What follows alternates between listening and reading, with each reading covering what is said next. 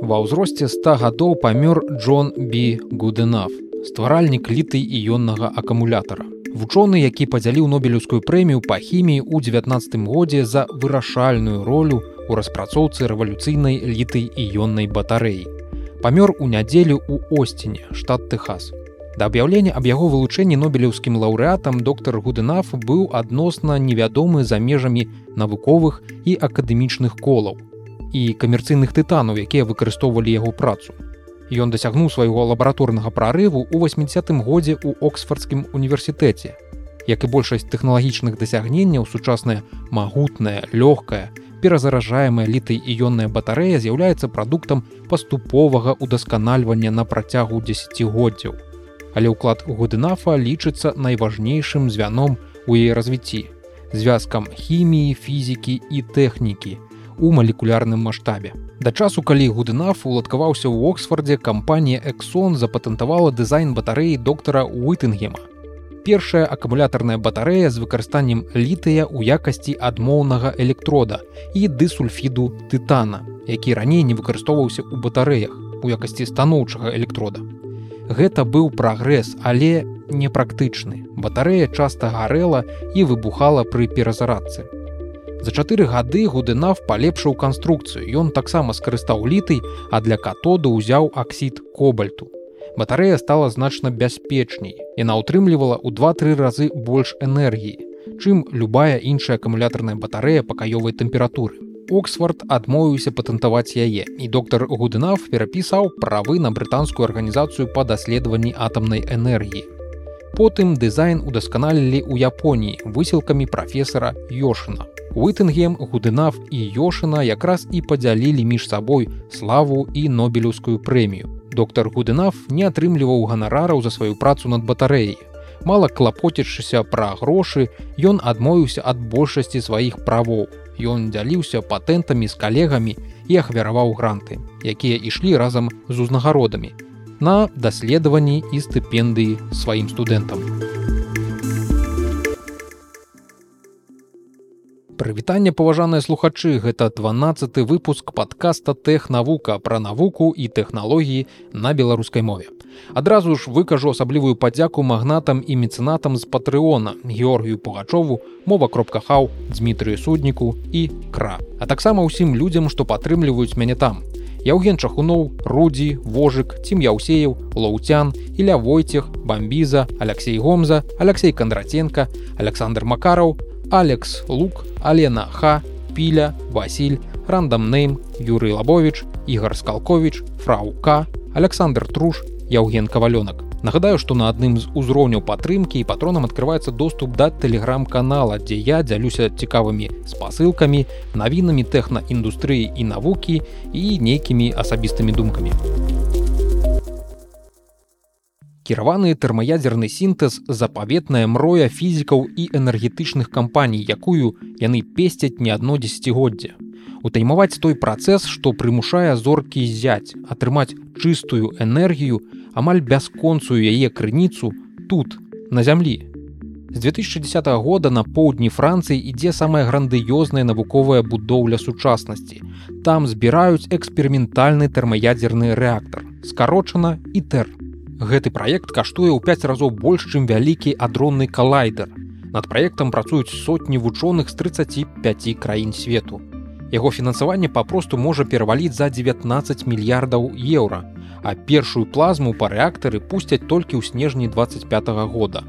Але гэта недакладна. Мроя навукоўцаў, што пачала ўвасабляцца 13 гадоў таму зараз выяўляецца распатланай марай тое, што магло стаць планетарным рэкордам, пераўтвараецца ў рэкорд, пра які ніхто з яго ўдзельнікаў не хоча гаварыць. Ітэр знаходзіцца на мяжы рэкорднай катастрофы, паколькі назапашаныя зрывы графіка і перарасход бюджэту пагражаюць зрабіць яго самым зацягнутым і самым затратным навуковым праектам у гісторыі. Не тая грандыёзнасць, што я чакаў.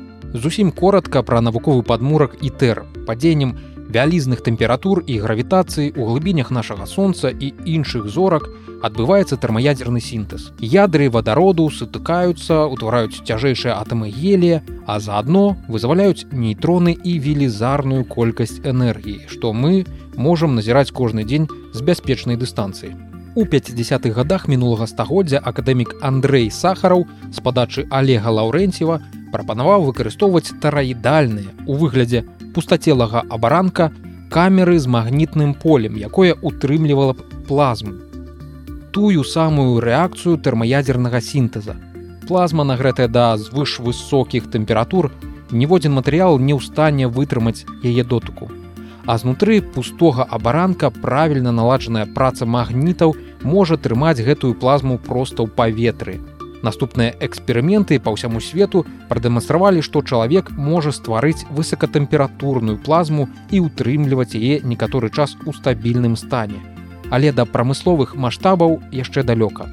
Справа ў тым, што самападтрымліваемую рэакцыю складана запусціць. Ёй патрэбен глыбокі вакуум, а складаныя сістэмы магнітнага ўтрымання патрабуюць вялізных звышправодных магнітных шпулек. Пра ўсе плюсы і мінусы тэрмаядзерных рэактараў разважаць будзе доўга. Адзначу толькі, што ў яго таксама ёсць нюансы з радыяцыяй, але ён бяспечней і эфектыўней, чым знаёмыя нам ядзерныя рэактары. У тэорыі З 50-х гадоў тэрмаядзерныя установкі станавіліся ўсё больш і магутней, але ні адна з іх так і не наблізілася да таго, што было б неабходна для ўключэння гэтай панацэевай крыніцы энергіі ў электрычную сетку. Ітэр гэта самая вялікая, самая магутная тэрмаядзерная прылада з калі-небудзь створаных. Яна задумвалася як амаль што сапраўдная камерцыйная станцыя якая нарэшце пакажа што тэрмаядзерныя электрастанцыі сапраўды можна пабудаваць. Ітэр вялікая штука. Адная толькі тараідальная вакаўная камера з магнітнымі шпулькамі той самы абаранак дзе будзе утрымлівацца плазма у вышыню дасягае 11 метраў а важыць амаль 8 з паловай тысяч тонн.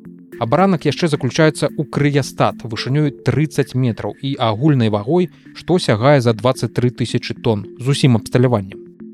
Кожная з 18 магнітных шпулек што павінны ствараць непранікальную магнітную сцяну для плазмы важыць под 310 тонн. Усё гэта крафтавае ствараецца не канвеерам. Адзіночная вытворчасць патрабуе увагі і дакладнасці Прычым гэта толькі частка абстальвання самого рэактара.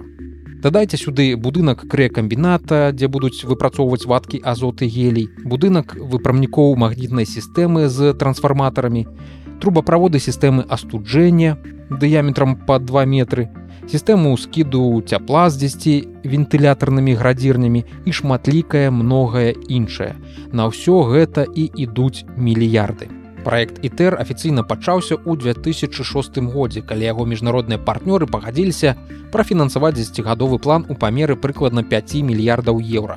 Згодна з якім ітэр павінен быў запрацаваць у 2016 годзе. Апошняя афіцыйная ацэнка кошту складае больш за 20 мільярдаў еўра. Прычым ітэр намінальна запрацуе ўсяго праз два гады.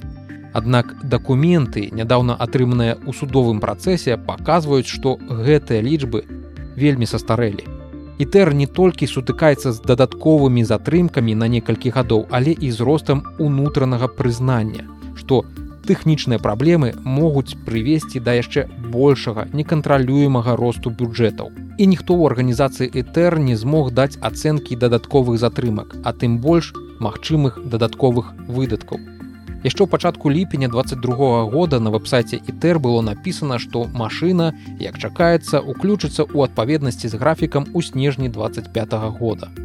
Пазней гэтая дата апынулася пад зорачкай якая удакладняла што яе чакае перагляд. Цяпер дата увогуле знікла з сайта. У лютым 17 -го года тагачасны генеральны дырэктар ітэр нябожчык бернард біго абмеркаваў ход праекта з прадстаўнікамі міністэрства энергетыкі ЗША прадстаўлены ім графік сведчыў аб тым што ўсё ідзе па плане. Будаўніцтва падмурка комплексу ітэр павінна было быць амаль завершана. Зборку самога рэактара планавалася пачаць у 18 годзе. На момант расказу бего дзве асноўныя часткі рэактара масіўная магнітная шпулька якая абгортваецца вакол рэактара і вялікая частка вакуумнай ёмістасці павінны былі быць гатовыя да адпраўкі да канца года Замест гэтага на стварэнне магнітнага змеевіка спатрэбілася яшчэ амаль тры гады. Дэталі былі завершаны ў студзені і красавіку два -го года адпаведна. У дадатак да некаторых кампанентаў ітэр, якія прыбылі з вялікім адставаннем ад графіка, частка з гэтага абсталявання таксама аказалася няспраўнай. Некалькі цеплавых экранаў, прызначаных для падтрымання вадкага геліевага хлодагенту ў працоўным стане, пацярпелі ад карозіі і расколін за ўзаемадзеянне зварных швоў з кіслатой, якая выкарыстоўвалася для прамывання металу. Гэта трэба адрамантаваць. Акрамя таго выявілася, што некаторыя дэталі вакуумнай ёмістасці падобныя на кавалачкі галаваломкі, прызначаныя для зборкі з субміліметровай дакладнасцю. І вырабляюцца яны не так дакладна, як патрэбна. Гэта завадскі брак, яго таксама трэба выпраўляць. Фактычна вялікая частка буйных кампанентаў машыны адставала ад графіка на год-два, а то і больш. Неўзабаве афіцыйны пачатак зборкі і тэр быў перанесены з 18 на 20 год. Потым здарылася пандэмія. Графік ужо ніяк не адпавядаў рэчаіснасці. У дадатак да гэтай цяжкасці ў студзені 22 года французскае ўпраўленне па ядзернай бяспецы цалкам спыніла зборку ітэр. Упраўленне сумняецца, што сярод іншага запланаваная колькасць радыяцыйнай абароны вакол машыны будзе адэкватнай і ўлады не дазволяць монтаж пакуль ітэр не дакажа што можа забяспечыць бяспеку персаналу у сакавіку гэтага года тое ж управленне выявіла што кваліфікацыя некаторых зваршчыкаў якія павінны рабіць зварныя швы паміж металічнымі дэталямі была сфальсіфікаваная на дадзены момант затрымку ацэньваюць у 35 месяцаў то бок без месяца тры гады Мяркуецца, што гэта дадасць яшчэ некалькі мільярдаў да і так велізарнага бюджэту праекта.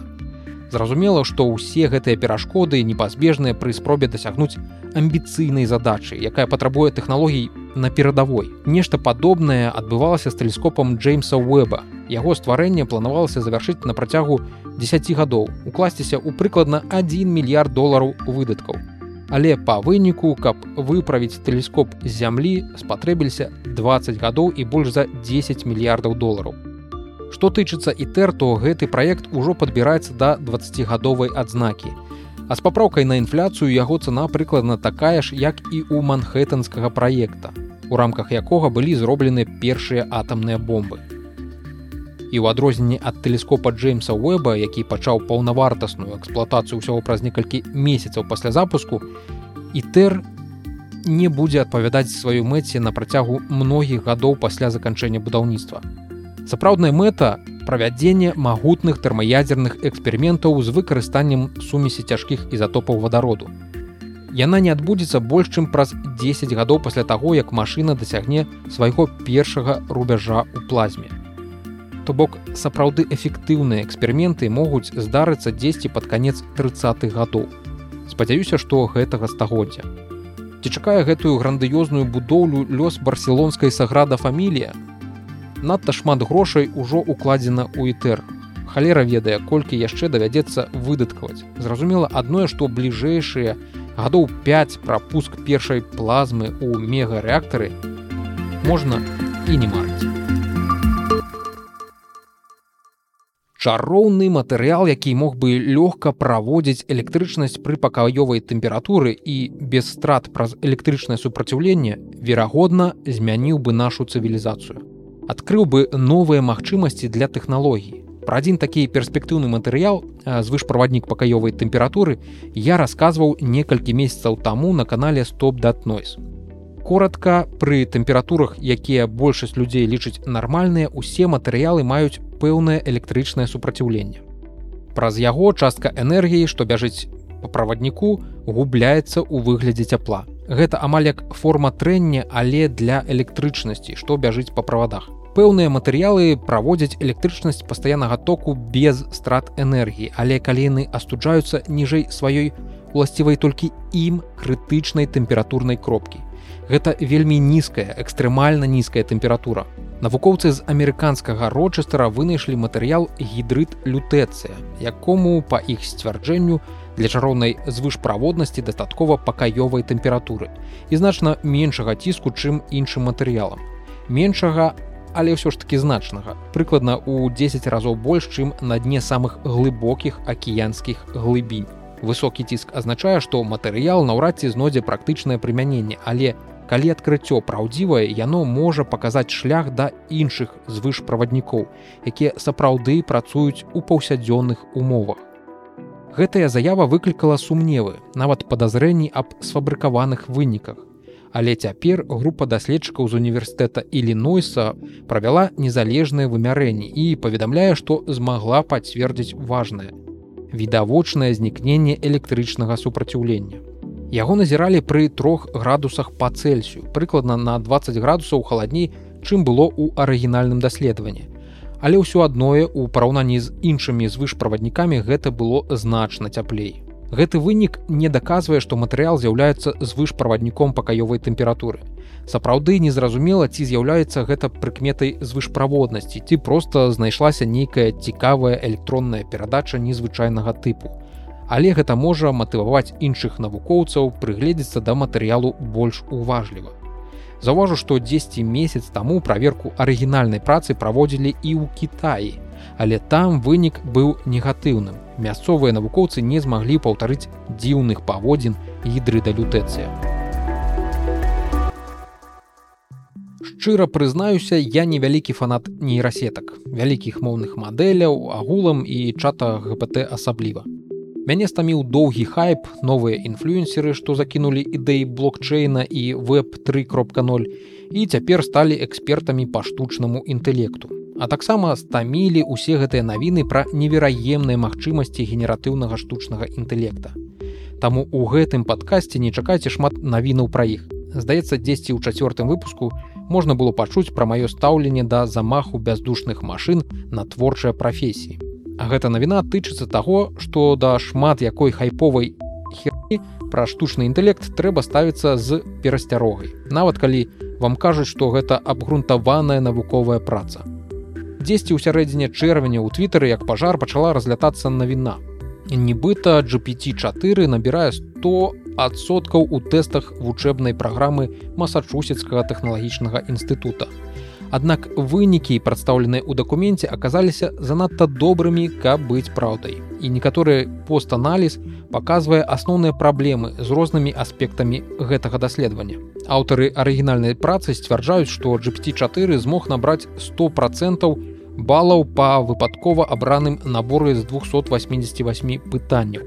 Аднак пры ўважлівым вывучэнні набору было ўстаноўлена, што набор даных змяшчае шэраг пытанняў прыкладна 4 проценты, якія былі невырашальныя.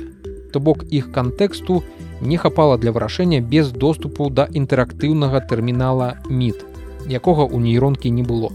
Альбо яны ўвогуле не былі пытаннямі а многія прыклады падказкі якія давалі мадэлі для дадатковага кантэксту і рашэння той ці іншай задачы увогуле былі ідэнтычныя сапраўдным задачам з тэстаў то бок мадэль атрымлівала адказ на пытанне для рашэння гэтага пытання Ну і самае смешнае, што 16 процентаў тэстаў давалі неабмежаваную колькасць спробаў для рашэння. Мадэль GPT4 магла адказваць на іх колькі заўгодна раз пакуль не патрапіць у правільны результат.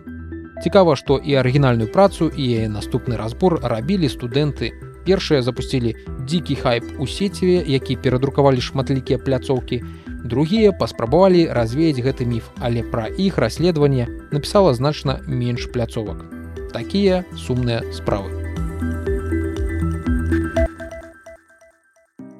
Нагадаю што падкаст можна не толькі слухаць у вашых падкастапрыёмніках але і глядзець на Ютубе.